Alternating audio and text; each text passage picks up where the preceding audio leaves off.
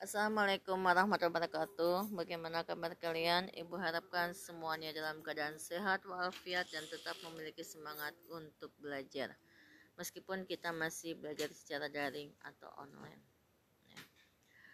Tak lupa Ibu selalu mengingatkan 5M. 1. Selalu mencuci tangan. 2. Menggunakan masker. 3. Menghindari kerumunan. 4. Membatasi mobilitas sosial 5. Selalu menjaga jarak. Dan tak lupa juga sebelum kita lanjutkan ke dalam pembelajaran materi tentang bab uh, ini pemikiran PBB dan proklamasi kemerdekaan Indonesia yang merupakan bab terakhir dari semester 2. Kita berdoa dalam hati membacakan surat Al-Fatihah memohon kepada hadirat ilahi Robi agar bencana ini atau pandemi ini cepat berakhir sehingga kita belajar bisa bertatap muka kembali. Meskipun dengan suasana yang cukup berbeda ya yaitu selalu menggunakan masker. Berdoa dalam hati mulai. Selesai. Ya, kita lang eh, langsung saja ke materi. Di sini ada kata ada dua kalimat ya pemikiran PBB dan proklamasi kemerdekaan Indonesia. Uh, Ibu akan membahas menjadi dua sesi. Yang pertama Ibu akan menjelaskan tentang PBB itu apa. Kemudian dari PBB kita akan bahas nanti di sesi 2 tentang peristiwa proklamasi kemerdekaan Indonesia. Yang pertama Ibu akan bahas apa sih itu PBB dan kapan dibentuknya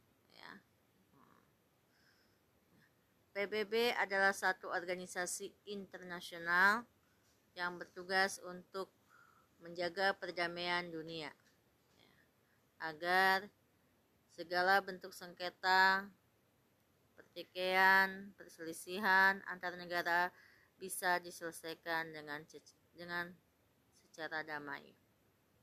Ya. Nah, kapan sih PBB ini dibentuk. Sebelum ibu bahas uh, ibu akan menjelaskan apa bahwa PBB ini dalam bahasa istilah Inggrisnya ya dalam bahasa asingnya itu dikenal dengan nama UNO UNO United Nation Organization.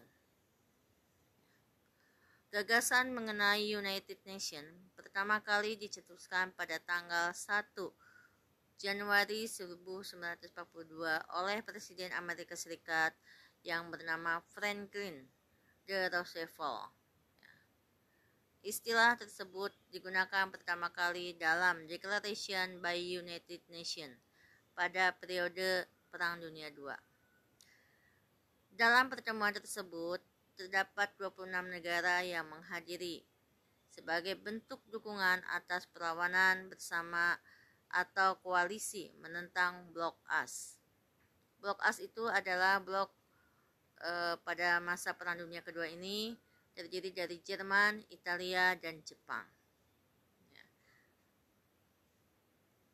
Jerman, blok Jerman ini nanti secara resmi menyerahkan diri ya kepada blok sekutu yang terdiri dari Amerika Serikat, Inggris, ya, Uni Soviet, Perancis ini uh, tergabung dalam blok yang sama yaitu dengan nama blok sekutu. Ya.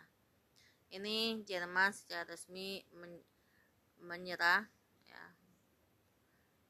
Yaitu pada tanggal 7 Mei 1945 dan hari tersebut sebagai secara resmi menandakan bahwa Perang Dunia Kedua telah berakhir. Perang Dunia Kedua ini berlangsung selama enam tahun dan telah menewaskan setidaknya 85 juta jiwa. Dengan berakhirnya Perang Dunia Kedua, maka lahirlah harapan akan dunia yang damai. This is not victory of a party or of any class.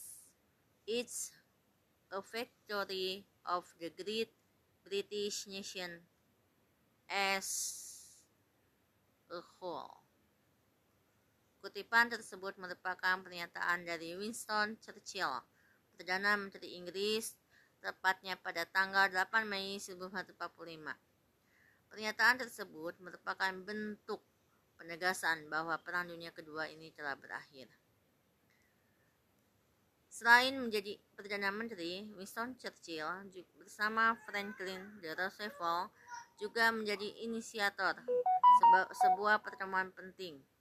Pertemuan yang dilaksanakan pada tanggal 14 Agustus 1941 di Newfoundland yang kemudian menghasilkan piagam yang dikenal dengan nama Piagam Atlantik atau Atlantic Charter. Pertemuan ini bertujuan untuk menggaungkan kembali cita-cita perdamaian internasional seperti yang pernah dimiliki oleh Liga Bangsa-Bangsa. Masih ingat LBB?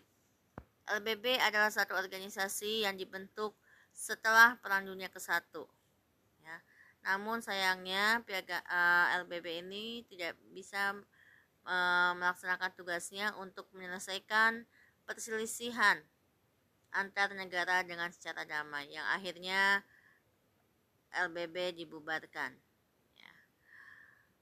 Mengenai piagam Atlantik, ini kita tinjau kembali ya isinya di dalamnya satu tidak dibenarkan adanya mencaplok wilayah negara lain dua pengaturan sebuah wilayah harus disesuaikan dengan keinginan masyarakat setempat Tiga, setiap bangsa berhak menentukan bentuk dan corak pemerintahannya.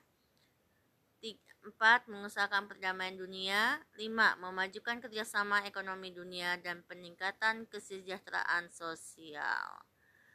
Nah, itu adalah uh, piagam Atlantic Charter yang kemudian ya piagam in, ini dijadikan sebagai piagam PBB tepatnya disahkan pada tanggal 24 Oktober 1945 oleh 51 negara.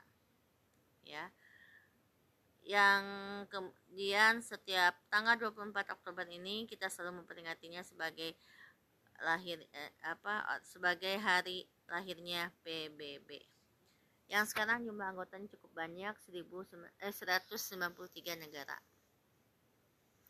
Asas dan tujuan PBB. Asas Perserikatan PBB ini ada beberapa asas di antaranya ibu nggak akan menyebutkan semuanya karena sudah ibu screenshotkan kemarin ya. Di antaranya satu dasar persamaan kedudukan dari semua anggota. Jadi anggota itu memiliki kedaulatan yang sama. Dua anggota harus memenuhi kewajiban-kewajiban mereka dengan ikhlas sebagaimana tercantum dalam piagam PBB setiap anggota dengan sepenuh hati harus memenuhi kewajiban-kewajiban yang tercantum dalam piagam. Kemudian semua anggota akan menyelesaikan persengketaan atau perselisihan internasional secara damai. Empat, dalam melaksanakan hubungan internasional setiap negara menghindari penggunaan ancaman dan kekerasan terhadap negara lain. Semua anggota harus membantu PBB dalam tindakan-tindakan yang diambilnya berdasarkan ketentuan piagam PBB. PBB akan menjaga agar negara-negara yang bukan anggota bertindak sesuai dengan asas-asas yang ditetapkan oleh PBB. PBB tidak akan campur tangan masalah dalam negeri masing-masing negara anggota. Tujuannya, satu, menjaga perdamaian dan keamanan dunia. Dua, memajukan dan mendorong hubungan persaudaraan antar bangsa melalui saling menghormati hak asasi manusia. 3. Membina kerjasama internasional dalam pembangunan bidang ekonomi, sosial, budaya, dan lingkungan menjadi pusat penyelarasan segala tindakan bersama terhadap negara-negara yang membahayakan perdamaian dunia. 5. Menyediakan bantuan kemanusiaan apabila terjadi kelaparan, bencana alam, dan konflik bersenjata. Sekarang organisasi-organisasi khusus dalam PBB. Jadi dalam PBB itu ada organisasi-organisasi khusus.